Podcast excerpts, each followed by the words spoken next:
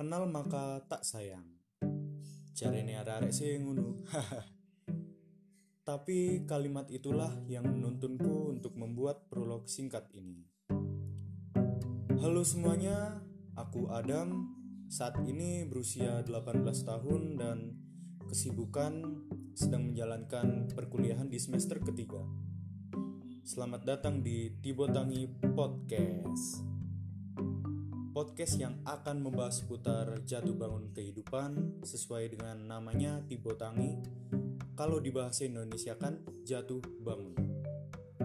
Juga akan membahas perihal pengalaman menarik dan banyak lain yang akan kita bahas nantinya.